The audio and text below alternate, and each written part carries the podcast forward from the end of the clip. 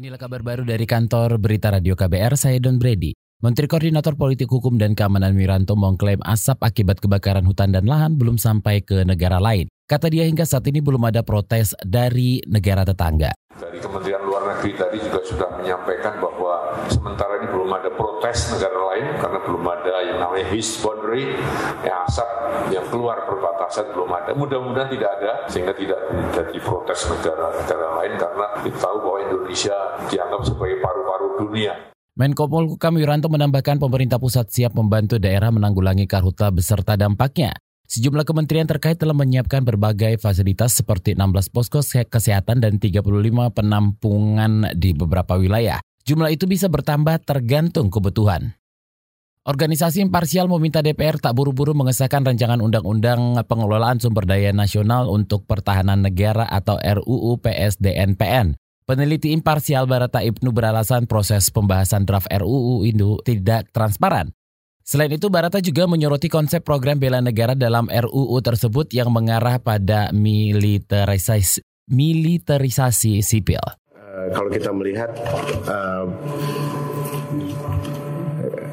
kepentingan untuk membahas ini untuk segera menjadi undang-undang akan menjadi masalah karena tidak cukup waktu bagi bagi apa namanya DPR dan kita semua untuk bisa mengkaji lebih dalam dari RUU tersebut. Peneliti imparsial Barata Ibnu berpendapat draft RUU juga tak menjelaskan detail tentang konsep bela negara. Menurutnya RUU ini tak terlalu mendesak untuk disahkan sehingga tak perlu buru-buru diketok dewan.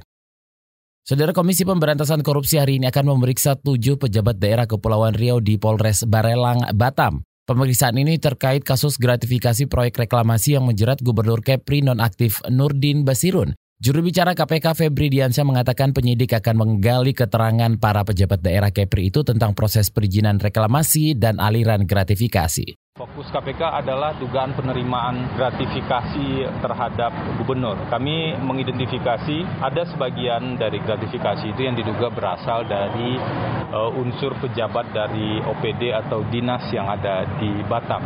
Ini yang kami duga merupakan setoran ke kepala daerah pada saat itu. Juru bicara KPK Febri Diansa meminta para saksi kooperatif saat diperiksa. Jika saksi bersikap sebaliknya, maka bisa diancam pidana karena memberikan keterangan yang tidak benar. Dalam kasus ini, KPK telah menetapkan empat tersangka yakni Gubernur Kepri Nurdin Basirun dan dua pejabat dinas kelautan Kepri, serta satu orang dari swasta. Nurdin diduga menerima gratifikasi lebih dari 6 miliar.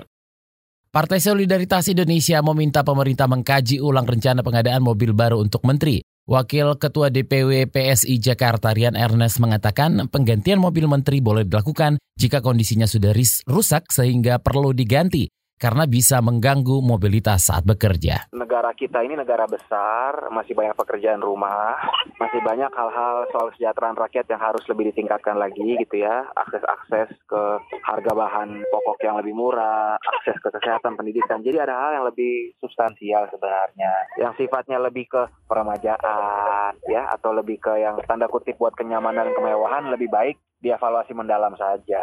Itu tadi politikus PSI Rian Ernest. Sebelumnya, pemerintah rampung menggelar lelang pengadaan kendaraan menteri atau pejabat setingkat menteri yang dimulai sejak April, sejak Maret lalu.